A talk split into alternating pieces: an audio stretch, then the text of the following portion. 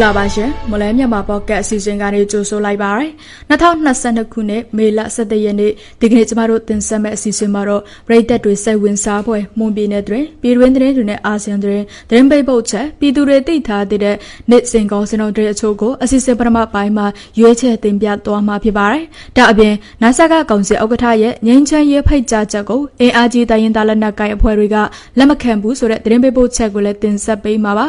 ဟုတ်ကဲ့ပါဒီကနေ့အစီအစဉ်မူကတော့ကျမ MI blog ကတာဝန်ယူသွားမှာဖြစ်ပြီးကျမနဲ့အတူကိုခန့်မြတ်သူကသတင်းတွေကိုကူညီဖတ်ကြားပေးသွားမှာဖြစ်ပါတယ်။နားဆင်ရတဲ့ပရိသတ်တွေအားလုံးကိုမင်္ဂလာပါလို့နှုတ်ခွန်းဆက်သပါရစေ။ကျွန်တော်ခန့်မြတ်သူက MI blog နဲ့အတူသတင်းတွေကိုကူညီတင်ဆက်ပေးသွားမှာပါ။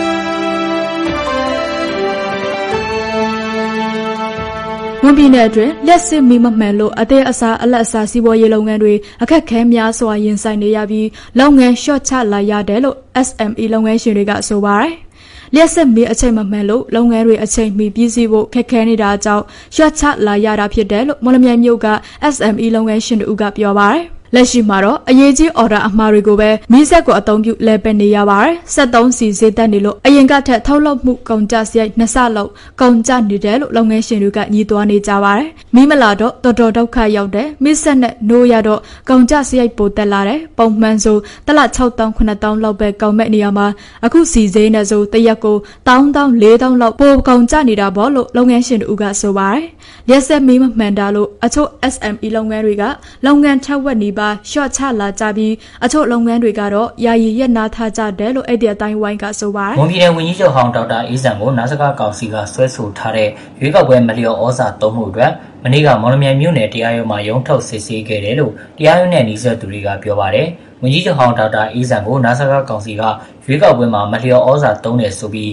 ရာဇသတ်ကြီးဥပဒေပုံမှာ133ညကာကြီးနဲ့အမှုတမှု ပုဒ်မ101စာလုံးနဲ့အမှု2မှုစုစုပေါင်းအမှု3မှုနဲ့တရားစွဲဆိုထားတာပါ။ဒီရုံးချိန်မှာတော့ဝန်ကြီးချုပ်ဟောင်းဒေါက်တာအေးဇံဘက်ကတင်သွင်းထားတဲ့တရားခံပြတပ်တွေတရားကိုစစ်ဆေးမေးမြန်းခဲ့တာဖြစ်ပြီးရုံးချိန်လာတဲ့ဝန်ကြီးချုပ်ဟောင်းကလည်းကျမ်းမာရေးကောင်းမွန်တယ်လို့ဆိုပါတယ်။ဒါကြောင့်လာမယ့်ရုံးချိန်ကိုမီလတတိယဘက်ကိုချင်းဆိုခဲ့ပြီးအမှုဖြစ်စဉ်အရမွန်ပြည်နယ်ဝန်ကြီးချုပ်ဟောင်းဒေါက်တာအေးဇံရွေးကောက်ပွဲအမှုတွေကိုအခုလအတွင်းမှာအပိဓာတ်အမိန့်ချသွားဖို့ရှိတယ်လို့တရားရုံးနဲ့နှီးဆက်သူတွေကပြောပါတယ်။ တစ်ဖက်မှာတော့ဝန်ကြီးချုပ်ဟောင်းဒေါက်တာအေးဇာဟာနာစကကောင်စီကဆွဲဆိုထားတဲ့အာဂတိမှုအမှုကိုမှုထပ်မံရင်ဆိုင်နေရသလိုအဲ့ဒီအမှုတွေအတွက်ပြင်ဆင်ချက်လျှောက်ထားရမှာလဲပြည်ထောင်စုတရားလွှတ်တော်ချုပ်ရုံးကပယ်ချထားတာဖြစ်ပါတယ်။ဝန်ကြီးချုပ်ဟောင်းဒေါက်တာအေးဇံကိုနာစကကောင်စီကနိုင်ငံဝန်ထမ်းတွေကို CDN လှုပ်ရှားမှုမှာပါဝင်ဖို့တိုက်တွန်းခဲ့တယ်ဆိုတဲ့ဆွဆွဲချက်တွေနဲ့ပြီးခဲ့တဲ့နှစ်ဒီဇင်ဘာလက905ခါဝင်းနဲ့ထောင်ဒဏ်2နှစ်အမိန့်ချမှတ်ခံထားရပါတယ်။လက်ရှိမှာတော့ဝန်ကြီးချုပ်ဟောင်းဒေါက်တာအေးဇံဟာ ကြံမေရောဘုံအကျဉ်းတောင်မှာဖမ်းဆီးထိန်းသိမ်းခံထားရပါတယ်။ရခိုင်ပြည်နယ်အမ်မြို့နယ်ဒါလက်ချောင်းအုပ်စုမှာရှိတဲ့ကျေးရွာပေါင်း90ကျော်ကစံရိတ်ခါတယူခွေပိတ်ပင်ခံနေရတယ်လို့သိရပါတယ်။အမ်မြို့နယ်ဒါလက်ချောင်းအုပ်စုမှာရှိတဲ့ကျေးရွာပေါင်း90ကျော်ကိုမေလာအစောပိုင်းကစတင်ကစံတင်ပို့တဲ့ကားလမ်းတွေနဲ့ရေလမ်းတွေကိုစစ်တပ်ကပိတ်ပင်တားမြစ်လိုက်တာလို့အန်ဒရာခန်ဦးကပြောပါတယ်။ လက်ရှိမှာရှိတဲ့ဆန်တွေကိုပဲစားနေရပြီးမကြမီအငက်ဘေးဖြစ်ရင်ဆိုင်ရနိုင်တယ်လို့လည်းအန်တရာခံမျိုးသမီးကပြောပါတယ်။အခုကိစ္စနဲ့ပတ်သက်ပြီးရခိုင်ပြည်နယ်အစိုးရဖွဲ့ကလုံခြုံရေးနဲ့နယ်စပ်ရေးရဝန်ကြီးဗိုလ်မှူးကြီးကျော်သူရပြောခွင့်ရသူပြည်နယ်ဥပဒေချုပ်ဦးလှသိန်းနဲ့မြို့နယ်အုပ်ချုပ်ရေးမှုတို့ကိုဆက်သွယ်ခဲ့တော့လဲဟုံးပြင်လဲဖြည့်ချင်းမရှိခဲ့ပါဘူး။အခုပြတ်တော့ခံလဲရတဲ့ကျေးရွာပေါင်း90ကျော်မှာချင်းလူမျိုး80ရာခိုင်နှုန်းနဲ့ရခိုင်လူမျိုး30ရာခိုင်နှုန်းနေထိုင်လျက်ရှိတယ်လို့တရားခန့်တွေကပြောပါတယ်။ မကြသေးခင်ကမှပေါ်ပေါက်လာခဲ့တဲ့သွေးတောက်အဖွဲ့၊စုံရဲအဖွဲ့၊မြို့ချစ်အဖွဲ့၊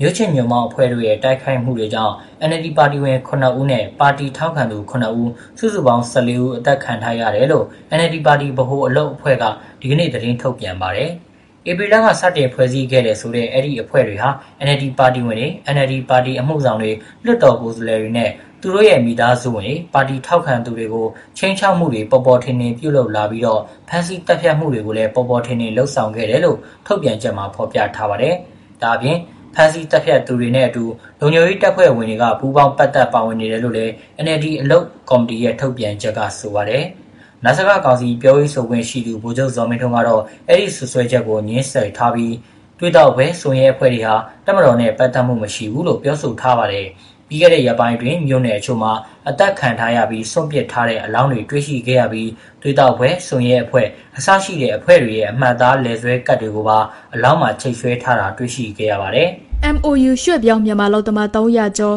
ကရင်ပြည်နယ်မြဝတီမြို့ကနေမြန်မာထိုင်းချစ်ကြည်ရေးတရားအမှတ်2ကိုဖျက်ပြီးထိုင်းနိုင်ငံတက်ခရိုင်မဲဆောက်မြို့ကိုဒီကနေ့မနက်ကထပ်မံဝင်ရောက်လာပါတယ်။ COVID-19 ရောဂါကူးစက်မှုအခြေအနေကြောင့်ထိုင်းမှာအလုပ်လာလုပ်ဖို့နှစ်နှစ်ကျော်ဆိုင်းငံ့ခံထားရတဲ့မြန်မာ MOU အလုပ်သမားတွေဟာမနေ့ကပထမဆုံးအတုပ်အနေနဲ့288ဦးဆက်တင်ဝင်ရောက်ခဲ့ပြီးဒီကနေ့300ဦးထပ်မံဝင်ရောက်လာတာပါမနေ့ကနဲ့ဒီနေ့နှစ်ရက်စုစုပေါင်းမြန်မာအလုပ်သမား989ဦးတို့ဟာကျမရဲ့အစစ်စစ်ကိုစစ်ဆေးပြီးမှထိုင်းနိုင်ငံကိုတရားဝင်ပြည်ဝင်ခွင့်နဲ့ရောက်ရှိလာတာဖြစ်ပြီးအားလုံးဟာချွန်ဘူရီခရိုင်မှာရှိတဲ့ကြက်သားထောက်လုပ်ရေးစက်ရုံတရုံတဲမှာပဲလုပ်ငန်းခွင်ဝင်ကြရမှာပါ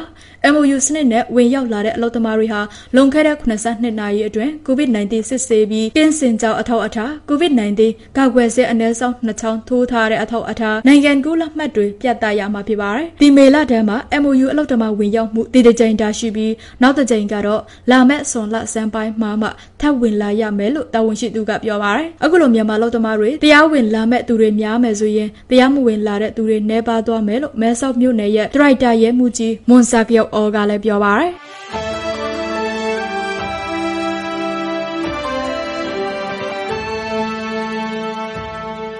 ဟုတ်ကဲ့ပါပြည်သူတွေသိထားတဲ့နေစဉ်ကောင်စင်တော်တွေအချို့ကိုမလမြိုင်ကောင်စီတိုက်ကချက်လက်တူကိုအခြေခံပြီးကျမကတင်ဆက်ပေးပါဦးမယ်။ ဒီကနေ့ထိုင်းနဲ့မြန်မာငွေလဲနှုန်းကတော့ထိုင်းဘတ်59ဒရမ5ဝယ်ဈေးရှိပြီးတော့ရောင်းဈေးက60ဒရမ3ရှိနေပါတယ်ဒေါ်လာဈေးကတော့အမေရိကန်ဒေါ်လာကိုဝယ်ဈေးမြန်မာငွေ1850ဒရမ15ကျပ်ရှိပြီးရောင်းဈေးကတော့1855ဒရမ33ညရှိနေပါတယ်ရွှေဈေးနှုန်းကတော့မီလန်16ပဲရေတကြက်တောက်ကို20သိန်း4000နဲ့15ပဲရေတကြက်တောက်ကို18သိန်း6000 8000ရှိနေပါတယ်73စီတွေကတော့73စီတွေကတော့ဒီဇယ်တလီတာကို2260 25ကျပ်အောက်သိန်း92တက်လီတာကို2060ကျပ်နဲ့95တက်လီတာကို2120ကျပ်အထိရှိနေတာပါရော်ဘာဈေးနှုန်းမှာအကောင်ဆုံးကတော့နေလန်းလို့တစ်ပေါင်ကို1000ကျပ်ရှိနေတာပါစံဈေးနှုန်းကတော့အကောင်စားပေါ်စံမွေးစံသား90ကို9300ကျပ်လက်လက်တန်စံမျိုးစားပေါ်ကျွဲတဲ့စံသား80ကို4100ကျပ်နဲ့အမထစံတွေကတော့စံသား80ကို11500ကျပ်နဲ့စံသား90ကို13500ကျပ်ရှိနေတာပါ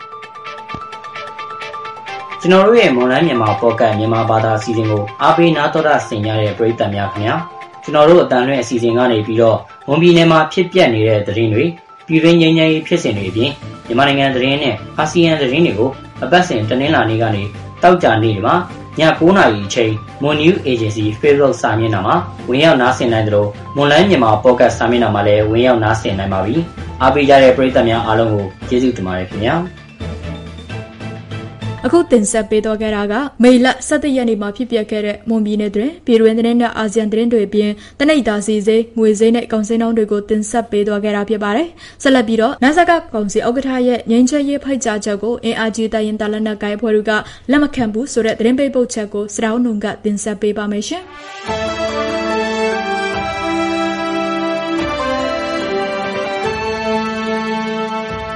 စစ်တပ်နဲ့အပြင်းထန်တိုက်ခိုက်နေတဲ့အင်အားကြီးတိုင်းသားလက်နက်ကိုင်ဖွဲ့များစုကနာဇကကောင်စီဥက္ကဋ္ဌဗိုလ်ချုပ်မှုကြီးမင်းအောင်လှိုင်ရဲ့ငင်းချမ်းရေးကန့်လန့်ချက်ကိုလက်မခံဘဲဖယ်ချလိုက်ပါတယ်။အင်အားတောက်တင်ပြီးလက်နက်ကိုင်ခုခံမှုအတွေ့အကြုံများတဲ့ကချင်လွတ်မြောက်ရေးဖွဲ့ KIO ကရင်မျိုးသားစီအောင် KNU ကရင်နေမျိုးသားတိုးတက်ရေးပါတီ KNPP နဲ့ချင်းမျိုးသားတပ်ဦး CMF တွေကဗိုလ်ချုပ်မှုကြီးမင်းအောင်လှိုင်ရဲ့ငင်းချမ်းရေးဖိတ်ခေါ်မှုကိုညှဉ်းဆန်လိုက်ပါတယ်။ နိုင်ငံရေးပြဿနာကိုဆွေးနွေးလို့ရနိုင်မဲ့အခြေအနေမျိုးမရှိတာကြောင့်အခုလုံငင်းဆန္ဒလို့ KIA တရင်နဲ့ပြန်ကြားရေးတာဝန်ခံဗိုလ်မှူးကြီးနော်ပူကပြောပါတယ်။နိုင်ငံရေးပြဿနာများကိုနိုင်ငံရေးဆွေးနွေးခြင်းပြအဖြေရှာရန်လိုအပ်ပါတယ်ဆိုတာကျွန်တော်တို့လက်ခံပြသဖြစ်ပါတယ်။ ဆွေးနွေးတဲ့အခြေအနေကို ကျွန်တော်တို့ သုံးသပ်ကြည့်ရင် တကယ်ဒီနိုင်ငံရေးပြဿနာတွေ နိုင်ငံရေးအရေးရေးအရာတွေကို ဆွေးနွေးနိုင်မဲ့အနေအထားဘက်ကိုအမရောက်နိုင်ဘူးလို့ ကျွန်တော်တို့ သုံးသပ်လို့ ဒီတစ်ခါ ဖိတ်ခေါ်တဲ့နေရာမှာ ကျွန်တော်တို့ မတက်ရခြင်း ဖြစ်ပါတယ် လက်ရှိ နိုင်ငံရေးချက်တဲ့ကို ဖြည့်ရှင်ရေးမှာ အဓိကကျတဲ့ NUG နဲ့ PDF တွေကိုခြံလှပ်ထားတာက စစ်ကောင်စီရဲ့ ငြိမ်းချမ်းရေးပေါ် သဘောထားမမှန်ဘူးဆိုတာကို ပြသနေတယ်လို့ တိုင်းသားကောင်ဆောင်တွေက မှတ်ယူထားပါတယ်။ KNU ပြောရေးဆိုခွင့်ရှိသူဘဒိုစောတော်နီကတော့ငိမ့်ချမ်းရေးဖိတ်ခေါ်မှုကအကန့်အသတ်တွေရှိနေတာမြေပြင်မှာတက်တွေတိုးချဲ့တာနဲ့ပါဂရိကဘုတ်မှမပါတာတွေကြောင့်ဒီဆွေးနွေးပွဲကိုမတက်ဘူးလို့ပြောပါတယ်အားလုံးပါဝင်နေတဲ့ချင်းချင်းမျိုးဆက်သွားမယ်ဆိုတော့နောက်ဆက်တွဲအကျိုးတွေကတော့ ဟ ဟိုမဖော်ပြနိုင်တော့အောင်ပဲတိုင်းပြည်တော့မကောင်းစိတ်ရင်းစေတံကောင်းလောက်သွားတော့မယ်ဆိုရင်တော့ကျွန်တော်တို့အဓိကအချက်ကဒီစစ်တပ်ဟာနိုင်ငံရေးဆွန့်ခွာရမယ် Federal Democracy ကိုလက်တွေ့အကောင့်တွေဖော်တဲ့အနေနဲ့เนาะအနာဂတ်ဖြစ်ပေါ်လာမယ့်ကျွန်တော်တို့ရဲ့ဖွဲ့စည်းပုံအခြေခံဥပဒေတစ်ကိုကျွန်တော်တို့လက်တွေ့အကောင့်တွေဖော်ဒီလုပ်ငန်းတွေချက်ချင်းလောက်ရတော့မယ်အဲ့ဒီခါမှာဟိုကျွန်တော်တို့ပြည်တော်စုအတွက်တကယ်ရေးပါတဲ့ပြည်တော်စု Federal လုံခြုံရေးစနစ်ကိုလည်းကျွန်တော်တို့ဟိုစိုက်ပြီးတော့လောက်ရမယ်အသွင်ကူးပြောင်းကာလတရားမျှတရေးဆိုတဲ့အစီအစဉ်ကိုလည်းကျွန်တော်တို့လောက်ရမယ်အဲ့ဒါဒီလက်မခံမဲကျွန်တော်တို့သွားမရဘူး စစ်ကောင်စီရဲ့ဒီဖိတ်ခေါ်ချက်ဟာတိုင်းပြည်ငင်းချမ်းဖို့ထက် UNG နဲ့ PDF တွေကိုတိုင်းသားလက်နက်ကိုင်ဖွဲ့တွေထံကနေခွဲထောက်ချန်ထားလို့တဲ့ရွက်ချက်လို့တိုင်းသားကောင်ဆောင်တွေကပြောပါတယ်။ UNG နဲ့ PDF မပါလို့ဆွေးနွေးပွဲဟာအနှစ်သာရမရှိနိုင်ဘူးဆိုပြီးညှင်းဆန်လိုက်တဲ့ဖွဲ့တွေထဲမှာ KIA, KNBB, KNU, CMF တွေပြင် NCA လက်မှတ်ထိုးထားတဲ့မြန်မာနိုင်ငံလုံးဆိုင်ရာចောင်းသားများဒီမိုကရက်တစ်တပ်ဦး APSDF လည်းပါဝင်ပါတယ်။ ကယားနဲ့ရှမ်းပြည်နယ်တောင်ပိုင်းမှာတိုက်ပွဲတွေဖြစ်နေတဲ့ KNBB ရဲ့တွင်ရမှုတစ်ခုဒန်နီယာက UNG PDF တွေမပါဝင်တဲ့ဒီဆွေးနွေးပွဲဟာအသိပရှိမှာမဟုတ်ဘူးလို့ထောက်ပြဝေဖန်ပါတယ်ဒီကကျွန်တော်တို့တိုင်းသားတွေနဲ့ဟိုစုဖွဲ့ပြီးမှမဟာမိတ်တွေဖွဲ့တယ်နိုင်ငံရေးရစုဖွဲ့မှုတွေလောက်ကြတော့သူတို့ကဒီအဖွဲ့တွေကိုခွဲထုတ်ဖို့တော့အဲ့ဒါတွေရည်ရွယ်ချက်တွေရှိနေတယ်ပေါ့တော့အဲ့ဒါတော့ကျွန်တော်တို့ဒီဖွဲ့တွေမပါဘဲနဲ့ကတော့ဒီပြဿနာကပြီးမှာမဟုတ်ဘူးဆိုတာကျွန်တော်တို့နားလည်ထားတယ်တချို့တိုင်းသားတွေကမတိုက်ဘူးမတိုက်ဘဲနဲ့ဟိုတွေ့တယ်ပေါ့လေတကယ်တမ်းတိုက်နေတဲ့ကျွန်တော်တို့ကမတက်ဘူးဆို တော့ဘာမှထူလာမှာမဟုတ်ဘူး KIO, KMU, KMBB စတဲ့အဖွဲ့တွေကစစ်ကောင်စီရဲ့ကန့်လန့်ချက်ကိုညှင်းပယ်ထားပေမဲ့ NCA လက်မှတ်မထိုးရသေးတဲ့ဝတ်ပြီးတွေးစီညီညွတ်ရေးပါတီ UWSP ရှမ်းပြည်တိုးတက်ရေးပါတီ SSPP နဲ့မိုင်လာဖွာ NDAA တွေကစစ်ကောင်စီဖိတ်ခေါ်တဲ့ငြိမ်းချမ်းရေးဆွေးနွေးပွဲတွေကိုတက်ရောက်နေပါတယ်။ဒါအပြင်ရခိုင်ပြည်လွတ်မြောက်ရေးပါတီ ALP ရှမ်းပြည်ပြန်လည်ထူထောင်ရေးကောင်စီ RCSS ကရင်မျိုးသားငြိမ်းချမ်းရေးကောင်စီ KNLAPC ဒီမိုကရေစီကြိုးပြုကရင်တမတော် DKBA မွန်ပြည်သက်ပါတီ MNSP နဲ့ပို့မျိုးသားလူမျိုးရေးဖွဲ့6 PLO တွေလည်းတက်ရောက်နေပါတယ်။ဒီဖွဲ့တွေဟာ NCA လက်မှတ်ထိုးဖွဲ့တွေရဲ့ငြိမ်းချမ်းရေးလုပ်ငန်းစဉ်ဦးဆောင်ဖွဲ့ PBSD ဖွဲ့ဝင်တွေဖြစ်ပါတယ်။ဒီငញ្ချမ်းရေးဖိတ်ခေါ်မှုကနေအားလုံးပါဝင်တဲ့ဆွေးနွေးပွဲတွေဖြစ်လာဖို့မျှော်လင့်ထားတဲ့အတွက်တက်ရောက်ဖို့ဆောင်ဖြတ်တယ်လို့ PBSD ပြောရေးဆိုခွင့်ရှိသူ ပုံမှုကြီးစောကျော်ညော့ကပြောပါတယ်ဖက်ဒရယ်ဒီမိုကရေစီပြည်တော်စုတည်ဆောက်တဲ့နိုင်ငံရေးဆွေးနွေးပွဲမတက်လန်းနိုင်သေးတဲ့တိုင်အဲ့လိုဆွေးနွေးပွဲမျိုးပါဝင်တဲ့ပါဝင်ထိုက်တဲ့လူတွေအားလုံးပါဝင်တဲ့နိုင်ငံရေးအခြေအမျိုးတစ်ခုကိုရောက်လာအောင်ကျွန်တော်တို့အနေနဲ့ဘယ်လိုစတင်နိုင်မလဲဘယ်လိုစတင်ပြီးတော့လမ်းဆက်ရှာနိုင်လဲဆိုတဲ့အာတိကနဲ့ဒါစတင်မှုတစ်ခုအနေနဲ့ပြောလို့ရ UNG PDF တွေဆွေးနွေးပွဲမှာပါဝင်နိုင်ရေး တိုင်းသားကောင်းဆောင်တွေနဲ့နိုင်ငံတကာတိုင်ဝမ်ရဲ့တောင်းဆိုချက်တွေကိုတော့နာဆကကောင်စီကဖယ်ချထားပါတယ်။သူတို့အနေနဲ့အစံဖတ်ဖော်တွေနဲ့မဆွေးနွေးပဲဆက်လက်နိုင်နှင်းသွားမယ်လို့နာဆကကောင်စီဥက္ကဋ္ဌဗိုလ်ချုပ်မှုကြီးမင်းအောင်လှိုင်ကသူ့ရဲ့မိတ်ခွန်းတွေမှာအချိန်ချင်းထောက်ပြောထားပါတယ်။နာဆကကောင်စီရဲ့ဒီလောက်ရဟစစ်အနာရှင်ကိုစုစုစည်းစည်းနဲ့ခုခံနေတဲ့အဖွဲ့တွေကြားတင်ခွဲတက်ရှို့ဖို့စူးစမ်းချက်လို့မြို့သားညီညွတ်ရေးဆိုရကာကွယ်ရေးဝန်ကြီးဌာန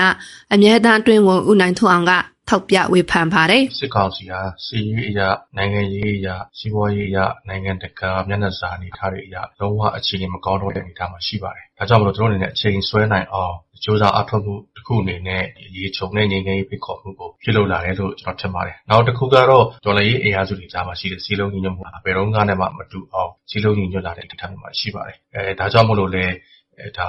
တော်လိုင်းအင်အားစုတွေကြားမှာပေါ့နော်ဒီနားလည်မှုအထင်မြင်လွဲအောင်ဆိုပြီးရည်ရွယ်ချက်နဲ့ပြုလုပ်တဲ့ပြုလုပ်ချက်လည်းဖြစ်ပါတယ်ခင်ဗျသူကိုယ်တိုင်လက်ခံတွေ့ဆောင်မဲ့ဆိုတဲ့နာဆကကောင်စီဥက္ကဋ္ဌရဲ့ငင်းချမ်းရေးကန့်လန့်ချက်ကိုလက်ရှိတိုက်ပွဲဖြစ်နေတဲ့အင်အားကြီးလက်နက်ကန်ဖွဲ့များစုကညှင်းပယ်လိုက်တာကြောင့်ဒါကမအောင်မြင်တဲ့ရှောင်နိုင်မှုတစ်ခုပဲလို့နိုင်ငံရေးလေလာတောင်းတသူတောက်တာဆိုင်ကြီးစင်ဆိုက မှတ်ချက်ပေးပါတယ်။တို့အဓိကမတက်တဲ့အကြောင်းရင်းက တွေ့ဆုံဆွေးနွေးပွဲဆိုတဲ့ဟာကို လက်မခံတာမဟုတ်ဘူး။ဒါပေမဲ့ စစ်မှန်တဲ့ငြိမ်းချမ်းရေးလိုချင်တဲ့ တွေ့ဆုံဆွေးနွေးပွဲမျိုး တကယ်ငြိမ်းချမ်းလိုတဲ့စံသားနဲ့ ဖိတ်ခေါ်တဲ့ဟာမျိုး ဟုတ်တယ်လို့တို့မယုံလို့တို့မတက်ကြတာ ဆိုတော့ အဲ့လိုမျိုး ယုံကြည်မှုပြက်ပြားနေရဲ့တွေ့ဆုံဖို့အတွက် ဖိတ်ခေါ်မှုတွေရတယ်ယုံကြည်စရာတိတ်မရှိဘူးဆိုတဲ့ အနေအထားမျိုးကိုမြင်နေကြတယ်ဆိုတဲ့ဟာက ဒါ မအောင်မြင်ဘူးပဲ ပြောရပါပေါ့ ငင်းချမ်းရေးနဲ့လုံခြုံရေးဆိုင်ရာမြန်မာ Institute MIPS ရဲ့အမှုဆောင်ဒရိုက်တာဒေါက်တာမင်းစောဦးကတော့ငင်းချမ်းရေးဆိုတာကောင်းဆောင်ပိုင်းတင်ချက်ချင်းထားလောက်လို့ရတဲ့ကိစ္စမဟုတ်ပဲအောက်ခြေထိဖန်ညှိနှိုင်းရတာကြောင့်မတိုက်တဲ့အဖွဲ့တွေကပြဿနာမရှိပေမဲ့လက်ရှိတိုက်နေတဲ့အဖွဲ့တွေနဲ့နောက်ဆက်ကကောင်စီကြားမှာတော့တိုက်ပွဲတွေပိုပြင်းလာလိုက်မယ်လို့မမှတ်ချက်ပေးပါတယ်။"ခေါင်းဆောင်တွေတွေ့တဲ့ပွဲကိုချက်ချင်းလက်ငင်းကြီးနဲ့ကဲငါတို့လုပ်ရအောင်လာခဲ့ဆိုတဲ့ဟာမျိုးကကျတော့အဲ့ဒါကတော့ သိပ်မလွယ်ဘူးပေါ့။ကျွန်တော်တို့လုပ်နည်းလုပ်ဟန်အရဆိုလို့ရှိရင်တော့ကျွန်တော်တို့နားလည်တဲ့ကျွန်တော်တို့နိုင်ငံတကာအတွေ့အကြုံရောသိတဲ့ဟာတွေကဒီလိုခေါင်းဆောင်တွေတွေ့တဲ့အဆင့်မတိုင်ခင်မှာအောက်ခြေမှာလုပ်ရတဲ့ဆွေးနွေးပွဲတွေအများကြီးရှိတယ်ပေါ့နော်။အဲ့တော့ငြိမ်းချမ်းရေးကဘယ်လောက်တိုက်နိုင်သွားမလဲဆိုလို့ရှိရင်မတိုက်တဲ့အဖွဲ့တွေနဲ့ငြိမ်းချမ်းရေးဒီအပစ်ခတ်ရပ်စဲမှုကဆက်ရှိနေနိုင်ပြီးတော့တိုက်တဲ့အဖွဲ့တွေနဲ့ကြတော့လည်းတိုက်ပွဲတွေပိုပြီးပြင်းထန်လာနိုင်တယ်ပေါ့။ စစ်တပ်ဟာ2021ခုနှစ်ဖေဖော်ဝါရီလတရက်နေ့ကအာဏာယူပြီးချိန်ကစားလို့ခုချိန်ထိတစ်နှစ်ကျော်ကာလအတွင်းငြိမ်းချမ်းရေးဖိတ်ခေါ်မှု12ကြိမ်ထိပြုလုပ်ခဲ့ပါတယ်။ဒါပေမဲ့ပူကြောင့်မှုကြီးမအောင်လှိုင်ကသူကိုယ်တိုင်တွေ့ဆောင်ဆွေးနွေးမယ်ဆိုပြီးကန့်လှန့်တာကတော့ဒါဟာပထမဆုံးချိန်ပါပဲ။